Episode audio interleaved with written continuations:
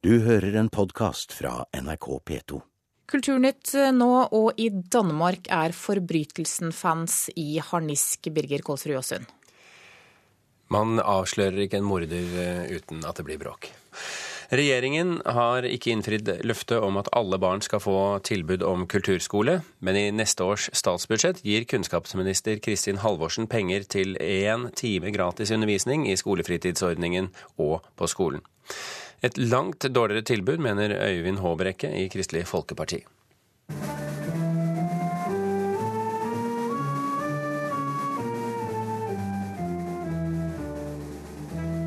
Ivrige barn øvde da NRK besøkte improbasen ved Oppegård kulturskole i sommer. Nå vil kunnskapsminister Kristin Halvorsen at flere barn skal få sjansen til å lære musikk, dans og drama ved å tilby kulturskole på SFO. Men Kristelig Folkepartis Øyvind Håbrekke i Stortingets kulturkomité synes det er en dårlig idé. Det er ingen tvil om at det er et langt dårligere tilbud eh, kvalitativt. Kulturskolen i dag har ofte høy kvalitet. Det er motiverte elever. Det regjeringa legger opp til her, det er noe annet. Eh, det er et aktivitetstilbud i skoletida for at ungene skal ha noe å holde på med mens de er på SFO. Eh, og da får ikke den kvalitative oppfølginga av hver enkelt elev. Når kulturskolen i så sterk grad skal integreres i skolehverdagen, sånn som regjeringa legger opp til nå, da er jeg redd for at det er et steg mot avvikling av hele kulturskolen. Jeg syns at dette er et veldig godt forslag. Jeg tror det vil styrke kulturskolen på sikt, og ikke som Kristelig Folkeparti frykter svekke dem. Det sier kunnskapsminister Kristin Halvorsen. Hun får kritikk for å satse på SFO, mens 28 000 barn står på venteliste for å slippe inn i kulturskolen. Istedenfor å gi dem som har søkt en plass, så sier han at alle skal få et halvveis eh, aktivitetstilbud, istedenfor at dem som har søkt, faktisk skal få et kvalitativt godt tilbud i en eh, ekte kulturskole. Ordningen vil koste 180 millioner kroner i året. Det er penger som heller kunne vært brukt til å styrke kulturskolen som et spesialisert fritidstilbud, mener Håbrekke. Men Kristin Halvorsen sier at det viktigste er at alle barn får et tilbud, uavhengig av sosial bakgrunn. Jeg er veldig overraska over eh, reaksjonen fra Kristelig Folkeparti, fordi jeg trodde dette var et forslag som lå i deres eh, hjerte, nær dem. Eh, nå når vi 60 000 barn neste år med et kulturskoletilbud gjennom en kulturskoletime som knyttes til skolen. Burde dere ikke heller jobbet for å avskaffe de køene som, som finnes i kulturskolen? Nei, jeg mener at det er veldig viktig at vi lager et kulturskoletilbud som når alle barn. Når vi ser hvor skeivt sosialt barn rekrutteres til kulturskolen i dag, så er jo det nettopp et poeng. Elisabeth Aspaker, skolepolitisk talsperson i Høyre, er bekymret for at kommunene ikke vil klare å følge opp satsingen. Ja, for det krever jo eh, betydelig eh, tetthet av lærere hvis man skal kunne variere de aktivitetene som dette tilbudet skal kunne, eh, skal kunne bli. da. Det her må være samme kvalitet som det kulturskolen gir i dag når det gjelder tilbud. Det må ikke bli en sånn B-tilbud primært så må det være kulturskolelærere som står for tilbudet, og som har den kompetansen som, som, er, som kulturskolelærerne har i dag. Det sier Trygg Jakola, konstituert styreleder i Norsk kulturskoleråd. Når alle skolebarn skal få tilbud om én gratis gruppetime i uka på enten første, andre, tredje eller fjerde trinn, er det usikkert om det bare blir kulturskolelærere som gir undervisning. Kan dere garantere at det er kulturskolelærere som skal gjennomføre undervisningen i SFO og i skolen? Det er det vi har lagt opp til, og det er det vi betaler for. Og jeg vet at Kulturskolerådet er veldig eh, opptatt av å få dette til. Og så kan det kanskje være noen kommuner som må samarbeide fordi eh, de er eh, små. Men da vil jeg oppfordre til å gjøre nettopp det. Det sa kunnskapsminister Kristin Halvorsen. Og detaljene rundt kulturskolesatsingen kommer i statsbudsjettet som legges frem på mandag. Reporter her, det var Ida Kvittingen. Liten lekkasje fra budsjettet nå. Regjeringen gir 1,9 millioner ekstra kroner til nynorsk språk og kultur på neste års statsbudsjett, skriver Nasjonen. Språkåret 2013 markerer at det er 200 år siden Ivar Aasen ble født, og 100 år siden Det Norske Teater ble åpnet. 800 000 kroner skal gå til feiringen av Det Norske Teatret. E-boksalget har økt kraftig denne høsten, sier Forleggerforeningen til avisen Klassekampen. I begynnelsen av året ble det solgt 2000-3000 e-bøker per måned. Nå kan det ligge an til at tallet blir seksdoblet. De endelige tallene blir lagt frem i desember. Så til en heftig debatt rundt EUs nye toppmøtesenter i Brussel. Arkitektene kaller bygget for Lykten, eller for Hjertet. Og det skulle kostet 1,7 milliarder kroner, men nå nærmer prisen seg 2,3 milliarder kroner. På folkemunne har bygget fått eh, økenavnet Ølmagen og egget i det gylne bur, og det blir nå sett på som symbolet på EUs manglende demokratiske kontroll. Europakorrespondent Hege Moe Eriksen i Brussel, først av alt, hvordan ser dette bygget ut? Vel, dette er et eh, bygg som eh, betegnes eh, som en arkitektenes drøm av noen. Det skal stå midt nede i det betongtunge og byråkrattunge EU-distriktet her i Brussel. Det har vært en kaotisk og støyende byggeplass så lenge jeg har vært her nede. Og det skal altså bli et gigantisk bygg formet som en enorm glasskube i det ytre, med en fasade bestående også av resirkulerte eikerammer rammer. Og så skal det inni være det som arkitekt Philip Samyn har betegnet som en eh, gigantisk vase eller et uh, gyllent egg, som, som, du sa innledningsvis. Og arkitektene kaller det altså for lykten fordi det skal fungere som en, en lykt om natten. Og så har kritikerne da begynt å kalle det for, for ølmaven. Hvorfor kommer denne kritikken, og, og hvem er det den kommer fra? Ja, dette bygget er nå blitt gjenstand for en krass kritikk av Europaparlamentet. Den tyske formannen eh, i eh, Europaparlamentets utvalg for budsjettkontroll sier nå at eh, dette er blitt bygget med penger som egentlig var ment til noe annet. Bygget er blitt mye dyrere enn planlagt. Det skulle koste da 1,8 milliarder kroner. Nå er prisen oppe i 2,3. Og mye av problemet er hvor pengene kommer fra. Fordi den europeiske revisjonen revisjonsretten har avslørt at eh, rundt 1,5 milliarder kroner er hentet fra ubrukte penger, eh, som egentlig ligger i Ministerrådets budsjetter for reising og tolking. Eh, slik at det vitner om kreativ bokføring. Man har altså hentet penger som var ment for noe annet, og brukt det på bygget. Og det blir enda mer alvorlig når man tar i betraktning at Europaparlamentet ikke får innsyn i disse regnskapene. Fordi verken regnskapene til til president Herman van Rompuy eller EUs utenrikssjef Catherine Ashton er tilgjengelige, slik at man får ikke tilgang til dem. Og det mener Europaparlamentet er demokratisk uforsvarlig. Og det blir jo ikke bedre av at Europa nå er inne i en svært uh, alvorlig økonomisk krise, hvor man da trenger at uh, penger blir brukt uh, forsvarlig og på riktig måte. Det skulle jo være et enkelt bygg, en klar eh, design eh, og med, eh, som du sa, arkitekters drøm av et bygg. Er vi her inne i en sånn slags saus av overlappende juridiske enheter og tomrom og budsjetter og regnskaper og kontrakter og traktater og alt?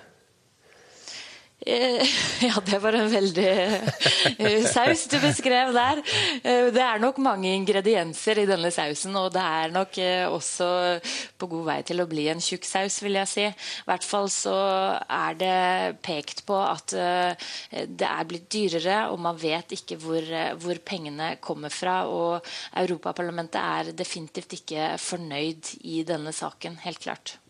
Hege Moe Eriksen fra Brussel, takk for at du kunne være med oss på Morgenkvisten. Så skal vi til eh, Danmark. For den danske TV-seriesuksessen Forbrytelsen er eh, det som skaper overskrifter der for tiden.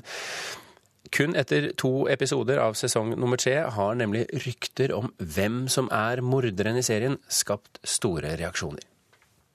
Jeg så eh, overskrifter som sa at eh, drapsmannen i forbrytelsen kan være avslørt, og da bare klikka jeg vekk nettvinduet med en gang, for her skal, jeg, eh, her skal ikke noe være avslørt før jeg sitter i sofaen og koser meg med TV-en.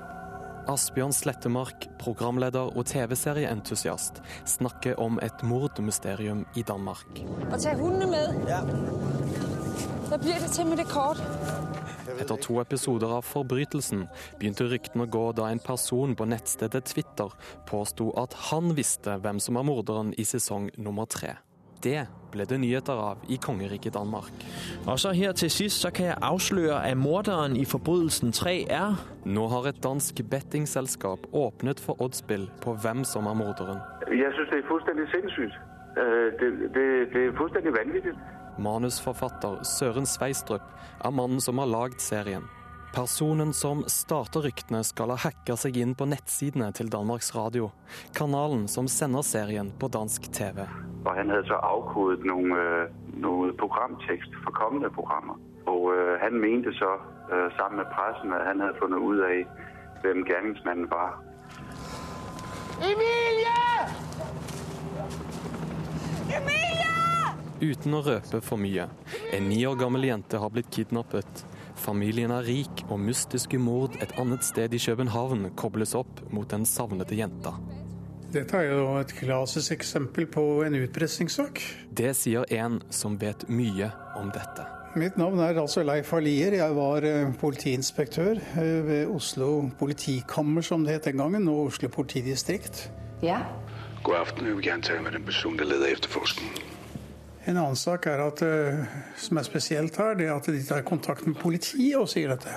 Sara Lund, visepolitikommissær. Hvem taler jeg med? Jeg vil bare si at pigen har det godt.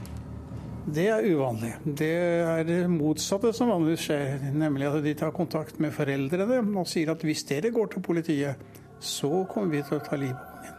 For å holde politiet vekk. I Norge finnes det én person som representerer Danmark som øverste myndighet fra vår skandinaviske nabo. Det her det er jo en sak som vedrører ca. to millioner seere i Danmark og en halv million i Norge. Så det er en sak man tar ganske alvorlig. Det sier Hugo Østergaard Andersen. Og ja, han er Danmarks ambassadør i Norge. Han kan berolige norske TV-seere om at morderen, til tross for ryktene i hans hjemland, ikke er avslørt. Ja, Det kan jeg meget klart avkrefte. Som ambassadør og med dine nettverk, så må jo du ha førstehåndsinformasjon i, i, i denne saken. Hvem er morderen? Det har jeg absolutt ingen kommentar til. Han har selvsagt mediedrillet på å holde statshemmeligheter unna offentligheten. Sedlene er umerket, pengene kan ikke spores. Så hva sier du? Men vent. Asbjørn Slettemark har tenkt seg om. Det kan hende at det hele bare er et PR-stunt. For det har jo bare skapt enda mer oppstuss rundt, rundt serien. Så en, altså, det, det, kan være at det er, noe fryktelig smart som har skjedd, som gjør at vi alle sammen driver og prater om det. Det sier vel litt om forventningene til en TV-serie når eh, det blir førstesideoppslag av at en diskuterer om en kanskje har funnet ut hvem, hvem morderen er.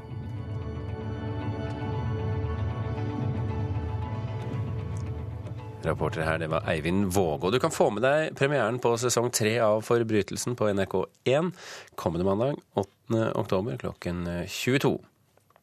Vi skal til den andre siden av jorden, nesten omtrentlig i hvert fall. Presidentvalgkampen i Venezuela ble nemlig offisielt avsluttet i natt. President Hugo Chávez samlet flere hundre tusen tilhengere i sentrum av hovedstaden Caracas. Chávez prøver å bli gjenvalgt for tredje gang på søndag, men utfordres sterkt av sin rival Enrique Capriles. NRKs korrespondent Jon Gelius fulgte Chávez sitt folkemøte i natt. De roper på sin store fører. I 14 år har president Hugo Chávez inspirert sine velgere og fått dem nærmest til å tro at han er deres frelser. Nå står den 58 år gamle kreftrammede presidenten foran sin tøffeste utfordring noensinne. NRK fulgte den siste massemønstringen i gatene her i Caracas i natt.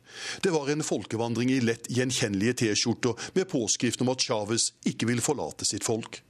Et skybrudd med torden og striregn stanset ikke folkemassen, men la en demper på det som skulle bli den store valgkampavslutningen for Hugo Chávez.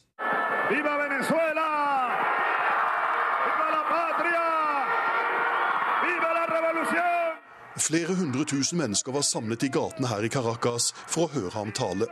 Det var færre enn hans rival klarte sist søndag, da Enrique Capriles samlet én million mennesker i de samme gatene. De siste meningsmålene gir Chávez en 10% ledelse på sin utfordrer. Jon Gelius, Caracas, Venezuela. Eirik Wold, frilansjournalist som nå skriver bok om Hugo Chávez. Hvilken rolle spiller media i denne valgkampen? Media spiller en kjempeviktig rolle i denne valgkampen, og det har gjort hele, under hele Chávez sin regjeringsperiode. Han har sittet i 14 år. og mange vil faktisk si at mer enn opposisjonspartiene, som er små og har liten innflytelse, så er det de private massemediene som er Chávez' viktigste motstander. Det er, de som er den, det er de som utgjør den reelle opposisjonen mot Chávez. Er det derfor han også har prøvd å få et slags nakketak på dem? Ja, altså Han har vel knapt fått noe nakketak. Tallene viser at stat, i hvert fall når det gjelder TV, så utgjør de offentlige mediene de har en markedsandel på mellom 5 og 8% mens de private TV-kanalene har eh, rundt 90 og når det gjelder radio, tror jeg det er på rundt 80 Hvem er det som eier disse private eh, mediene? Nei, Man skal huske på at eh, Venezuela er et av landene i verden, var et av landene i verden med høyest, med høyest levekårsforskjeller. Og den eliten i Venezuela er ekstremt rik. Vi snakker om sosiale forskjeller på nivå med Sør-Afrika under apartheid. Og de som eier massemediene i Venezuela, er den aller, aller rikeste lille prosentandelen. Og det, det er et sjikte som er i sterk opposisjon til Chávez. Jeg kan nevne Eh, en som heter Cisneros, som, var, som, eier en kanal som heter Venevision, og flere andre kanaler som står på Forbes liste som den tredje rikeste, andre, nest rikeste eller tredje rikeste i hele Latin-Amerika.